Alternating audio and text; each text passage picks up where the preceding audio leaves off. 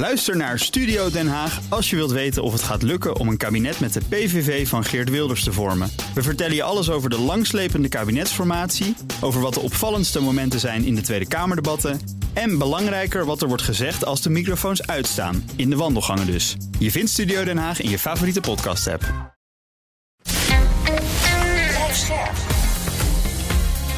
BNR Nieuwsradio. Boekenstein en de Wijk. Hugo Reitsma. Dit is een extra uitzending van Boekenstein en de Wijk... in verband met de oorlog in Oekraïne en de crisis met Rusland. Het is vrijdag, dag 359 van de invasie. Wat weten wij over de situatie op de grond, eigenlijk Jan? Nou ja, gisterochtend, hè, dus we nemen dit vrijdag op, hè, mag ik dat zeggen? Volgens mij mag je dat zeggen. Ja, ja. ja. we hebben net zaterdag opgenomen, Ja. zal ik er even bij zeggen. Ja. ja, ja, precies. Eh, Donderdagochtend, dus, dus gisteren. En dan voordat de zonsopgang waren dus opeens allemaal ballonnen in de, in de lucht boven Oekraïne. Ook daar al. Ook daar. Hè? Al ballonnenseizoen. Ja. En de gedachte hierachter is dat dat zo, dus zou helpen. Want daarna kwamen dus de raketten. Er was weer een barrage van raketten. En men denkt dus dat dat helpt om de Oekraïnse luchtverdediging eh, te, te verwarren. En mogelijk helpt dat, want ik zag er zijn 36 raketten afgevuurd, 16 neergehaald. En dat is namelijk een wat lager percentage dan eh, gebruikelijk. Ja. Werkt het, Rob? Wat moet werken? Is het zo als je die ballonnetjes doet dat je dan meer eh, hits hebt? Dat er minder... Met ballonnen? Ja. Nou ja, kijk, die ballonnen die, eh, die zijn buitengewoon interessant. eh, ook voor oorlogvoering. Omdat je daarmee dingen kunt doen wat je met satellieten niet kunt doen. Maar het komt er feitelijk op neer dat je zo'n ballon ook kunt inzetten voor grondwaarneming. Ja, of Eh, dus om de luchtafweer te eh, overspoelen met, Ja. met data. Ja, de- Volgens mij was, werd Ja. dat genoemd. Hè? Ja, dat, dat wordt genoemd. Ja, nou ja, de- ja je, je kunt gewoon eh, je doelwitten onderkennen. En dan vervolgens, ja, dat doen ze de hele tijd al, kun je Hm. die raketten afschieten om de luchtverdediging van de tegenstander te overweldigen. Dus het is een, een extra inlichtingenmiddel volgens mij om ervoor te zorgen dat, dat je dat voor elkaar kunt krijgen. Ja, dat kan. zal dus ook wel vaker gebeuren. Ze hebben, eh, dus van die bommenwerpers eh, gebruikt. Twee bommenwerpers die ook boven de Kaspische Zee vlogen. En ook nog een eh, fregat in de Zwarte Zee. Ehm, nog zes long-range bommenwerpers vanuit het vliegveld in Koersk. Ook fighter jets over Melitopol. Dus we, horen nu meer over die Russische luchtmacht. Hè? Ja, nee, dat, dat is juist. We weten ook dat er een concentratie is van, eh, van gevechtsvliegtuigen, eigenlijk vlak over de grens eh, van, eh, van Oekraïne. De grote vraag is, worden die nou echt daadwerkelijk ingezet ter ondersteuning van een groot offensief, ja of nee? Dus nou, we, hebben vaak gesproken over wat Gerasimov aan het doen is, de, commandant van, de van de strijdkrachten in Oekraïne, de Russische strijdkrachten in Oekraïne.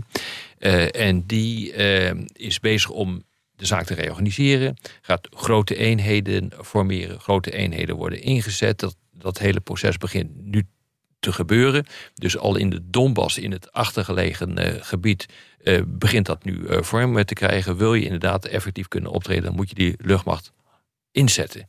Nou, dan is de grote vraag van hoe ga je dat dan doen? Dan moet je dus de luchtverdediging van de tegenstander om zeep zien eh, te helpen. Nou, daarvoor dienen die raketaanvallen. eh, onder andere op dit ogenblik. Hebben ze trouwens in het begin ook gedaan van, eh, van de oorlog. Maar wat er toen is gebeurd, is dat omdat Oekraïne zo ongelooflijk in het offensief ging, moesten ze hun schaarse middelen, vliegtuigen, moesten ze inzetten. Niet meer voor het vernietigen van de luchtverdediging van de tegenstander, maar voor de ondersteuning van troepen op de grond. Ja. En de grote vraag is, hebben ze dit nou echt onder controle? Kunnen ze inderdaad op dit ogenblik op een behoorlijke manier eh, die eh, luchtverdediging van eh, de tegenstander onderdrukken, onderdrukken, ja of nee? Nou, Mhm. daar valt op dit ogenblik geen antwoord op te geven. Wat we wel weten, is dat het allemaal wat minder goed gaat dan de Russen, denk ik, gehoopt hebben. En ja, in die situatie zitten we op dit ogenblik. Dus het aantal sorties, sorties dat zijn eh, de vluchten die die eh, vliegtuigen maken, die zijn enorm hoog. Die zitten weer op het niveau van het begin van de oorlog. Oh ja? Ja, dus eh, er is echt wat aan de hand op dit, dit ogenblik. Alleen het is niet heel erg effectief. Dat is, dat is het hele punt. En volgens mij moeten ze nog steeds laag vliegen. eh, omdat ze anders uit de lucht worden geschoten. Ehm, en dat betekent dat ze vervolgens weer kwetsbaar eh, zijn voor bijvoorbeeld uh, stingers, hè, die je vanaf de schouder kunt, uh, kunt vuren. Dus uh, nee. Het, nee, dat gaat gewoon niet lekker op dit ogenblik. Nou, mooi. En de experts die ik lees, die zeggen dus dat ze, ze betwijfelen zeer of Rusland in staat zal zijn om nu wel voldoende te trainen, de logistiek, maar ook dus het, het concert van al die wapens, die verbonden wapens. Hè dat, dat ze dat toch, toch niet voor elkaar krijgen. En iemand als Petres, waar we straks van hebben, die zegt dan dus dat aan de Oekraïnse kant wordt er wel degelijk getraind. En is Jazeker. getraind. En is ook die verbonden wapens, dat het concert, is, dat zijn ze ook echt dat aan het doen. Maar daar hebben ze tijd voor nodig. Nou ja, de, de, de Oekraïners zijn begonnen met, het, uh, met dat oefenen van het concept eigenlijk al vanaf 2015. Ja. Op dat moment begonnen de grote uh, trainingen van de Britten en de Amerikanen. En uh, men is in staat geweest, dus kennelijk, om een dergelijk systeem op te zetten. Wil je dit goed doen, eh, dan kost dat gewoon tijd. En het probleem is, denk ik, eh, dat eh, de, de Russen bezig zijn met het herstructureren van een krijgsmacht, het integreren van die luchtmacht in die grondoperaties tijdens de oorlog. Ja. ja, en dat is, ja, weet je. Lastig. Dat, dat is lastig. En dat is dan nog maar een eufemisme. Uh, volgens mij is dat gewoon ongelooflijk moeilijk uh, om te doen. Dat zal me ook niet verbazen als het gewoon niet lukt. Want er lukt wel meer niet aan die kant. Dus dat, nou ja, de, die hele integratie is continu een probleem geweest. De integratie van inlichtingen in de operatieplannen, dat, dat was al een puinhoop aan het begin. Uh, en ze hebben zich dus totaal verkeken op wat ze zouden kunnen doen. En het is nu nog steeds een probleem. Ja. Het heeft gewoon te maken met het geïntegreerde optreden dat echt absoluut noodzakelijk is. En ja, een, een, verklaring is gewoon de sterke hiërarchie die er in de Russische krijgsmacht uh, zit. In de Oekraïne heb je dat niet. Daar kunnen ook uh, uh, lage commandanten van bijvoorbeeld compagnieën of maximaal bataljons, een man of duizend, die kunnen heel erg zelfstandig hun besluiten nemen. En dat kunnen die Russen niet. Ja. Arjan, jij noemde al David Petraeus. Die heeft een interview met CNN ja. gegeven. Lang, lang artikel. Uh, met, meneer Burken en met, met Petraeus. En dan, ja, wat, wat zegt hij daar nou eigenlijk? Wie zei ook alweer? Ik, uh, oud, oud-commandant der strijdkrachten? Ja, ook met name in Afghanistan, ook uh, in Irak. Hè? een indrukwekkende man. In een proefschrift in Princeton, het is allemaal niet niks over Vietnam. Hè? Nou, er, wordt natuurlijk gevraagd, hoe gaat dit nou allemaal eindigen eigenlijk? En dat is de grote vraag. How the war in Ukraine will end. En Petraeus zegt allemaal hele negatieve dingen over Rusland. Dat er een heleboel dingen niet lukt. Denkt ook niet dat dat heel veel beter gaat worden. Maar wat hij ook heel erg benadrukt, en dat doen wij, dacht ik ook, van ja, we zitten nu in een soort uh, padstelling. Nou, dat zal wel een beetje schuiven nog. Hè? Misschien dat de Russen nog wat, wat kunnen doen. En dan later komt natuurlijk het Oekraïens. Misschien, misschien dat dat wat kan doen. Maar hm. het zal wel weer een padstelling worden. En ook, ja, hij zegt het is al een padstelling. Ja, het is het al. Mhm. En ja, wat dat betreft eh, is dat ook redelijk in lijn met, met de discussie die wij hier in dit programma hebben gehoord. Mhm. En hij zegt dat het heel lang gaat duren. Dus ja. Net zoals Olongren in de NRC zei. Hè? Ja. zwart scenario, dan gaat het vier jaar duren. En dan zijn we honderdduizenden doden verder. Ja, en dan ben je waarschijnlijk weinig opgeschoten. Ja. Eh, als het dus inderdaad eh, klopt, wat Petraeus zegt, maar ook Ollongren in, uh, in, in de NRC. Ja, dan, dan verandert de situatie waarschijnlijk niet wezenlijk over de komende jaren. Ja. Ja. En dan zou er misschien op een gegeven moment een staakt het vuren kunnen komen.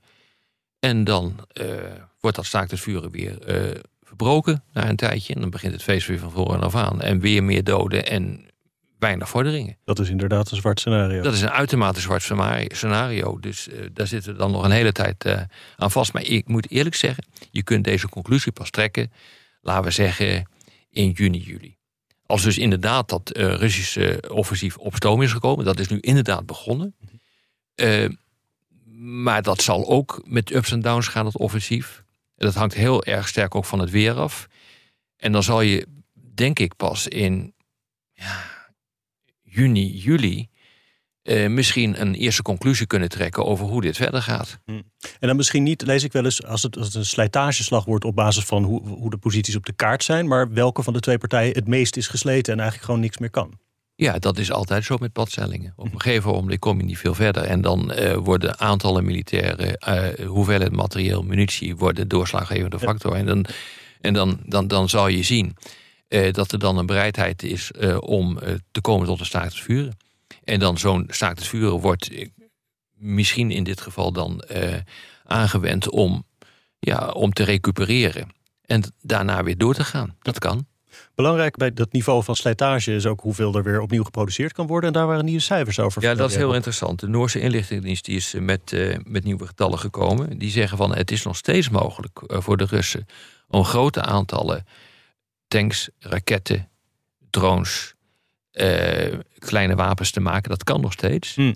Ze zitten alleen met één groot probleem. Zijn ze in staat om hun industriële basis op, op korte termijn opnieuw te activeren? En zijn ze in staat om nieuwe productielijnen eh, te activeren?